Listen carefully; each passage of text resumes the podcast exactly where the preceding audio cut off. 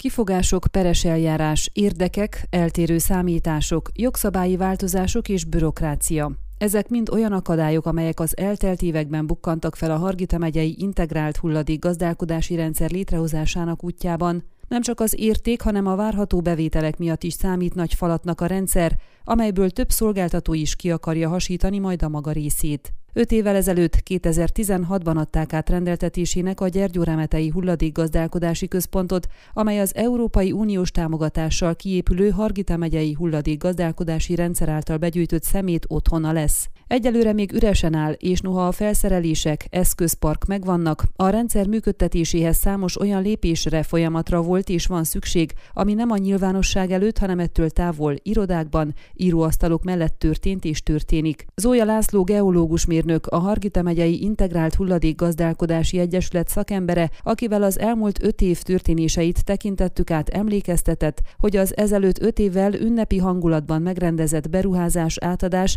csak a Gyergyóremetei Hulladékgazdálkodási Központ befejezéséről szólt. Abban a pillanatban még nem készültek el a rendszer részeiként az átrakóállomások, és különösen a korondi létesítmény miatt indult perek fékezték a folyamatot, az ottani építkezést. Ezek az átrakóállomás elhelyezkedését, lakóházakhoz való közelségét kifogásolták. Erről Zója azt mondta, hogy a korondi lakosok egy része által kezdeményezett bírósági eljárás megakadályozta a megyét abban, hogy a környezetvédelmi ágazati operatív program finanszírozási ciklusban befejezze a megyei hulladékgazdálkodási projektet. Nem kevés munka és sok idő után sikerült áttetetni a Hargita megyei projekt befejezésének finanszírozását a következő nagy infrastruktúra operatív program finanszírozási ciklusba említette. Egy másik akadályt a tervezett hulladékmennyiség és a valóság közötti eltérések jelentettek. A Hargita megyei hulladék gazdálkodási rendszert mintegy 100 ezer tonna éves hulladék mennyiségre tervezték, a 2016-17-18-ban mért és jelentett mennyiségek azonban azt mutatják, hogy a megyében évenként termelt háztartási és azzal azonos hulladék mennyisége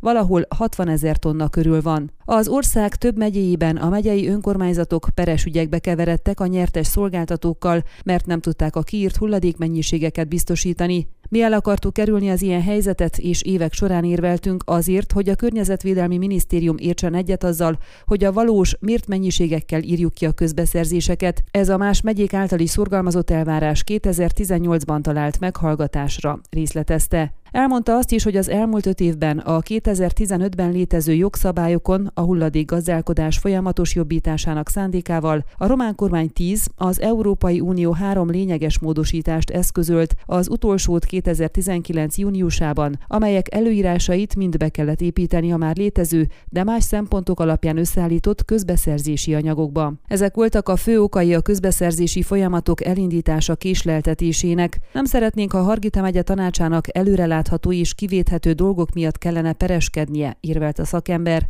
Azt is megkérdeztük, mi volt a szerepe a folyamatban a megbízott tanácsadó cégnek.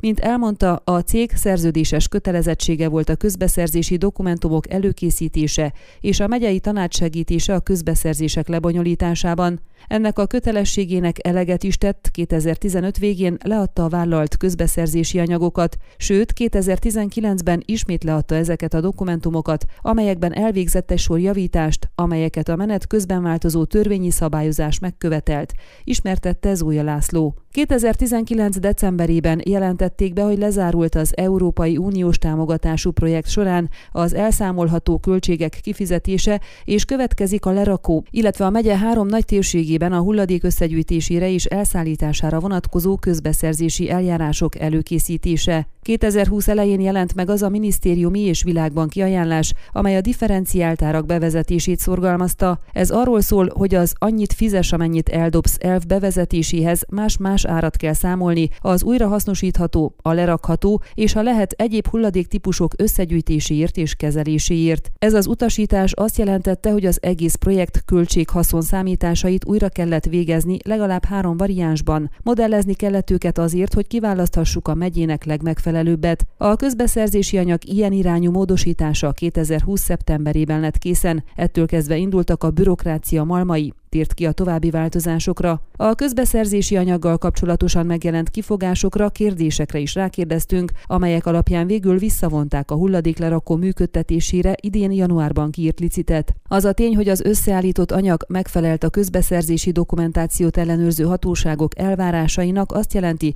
hogy eleget tett a kiírás törvényes előírásainak. Hogy nem volt egy biztos szolgáltató szájíze szerint megírva az elképzelhető. Azt viszont elismerjük, hogy az emlegetett 250 kérdésből volt három-négy olyan, amelyek esetében a közbeszerzési dokumentációban közölt megfogalmazást, illetve számítást újra gondoljuk, válaszolta. A szakember nem említette, hogy melyik szolgáltatóra gondol, de korábban már az RDE Hargita jelezte, a megye mindhárom térségében pályázni fog a megyei hulladékgazdálkodási rendszer működtetésére, az Ecocsi Kft. pedig szeretné megtartani jelenlegi szolgáltatási területét, illetve bővíteni azt. A következő közbeszerzési eljárás kiírására Zója szerint addig kell várni, amíg összhangba hozzák a közbeszerzési anyag dokumentumait, és ezeket a döntéshozó ismét elfogadja, megfelelőnek találja. Hogy ez mikor lesz, arra nincs becsült időpont, viszont addig, míg a lerakó működtetője nem ismert, nem lehet kiírni a megye három nagy térségében a hulladék összegyűjtésére és elszállítására vonatkozó liciteket sem. Azért, mert az ott alkalmazott hulladékkezelési árak fogják befolyásolni a hulladék összegyűjtésének árait is. Mindaddig, amíg nem ismerjük az előnyöket, a gyűjtést, szállítást,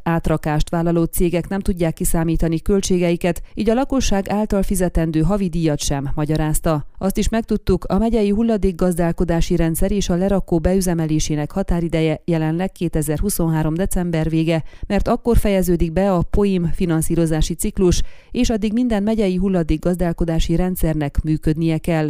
Az integrált hulladék gazdálkodási rendszer létrehozásának teljes költsége áfástól 190,5 millió lej volt, ebből az összegből a nem elszámolható részt 36,6 millió lejt a Hargita megyei tanács biztosította. A beruházás során több év alatt 8 szelektív hulladékgyűjtő udvar, két átrakóállomás, illetve Gyergyóremetén egy hulladékgazdálkodási központ épült lerakóval, komposztáló és válogató állomással, célgépekkel, ugyanakkor gyűjtőkonténereket is vásároltak. Ön a Székelyhon aktuális podcastjét hallgatta. Amennyiben nem akar lemaradni a régió életéről a jövőben sem, akkor iratkozzon fel a csatornára, vagy keresse podcast műsorainkat a székelyhon.pro portálon.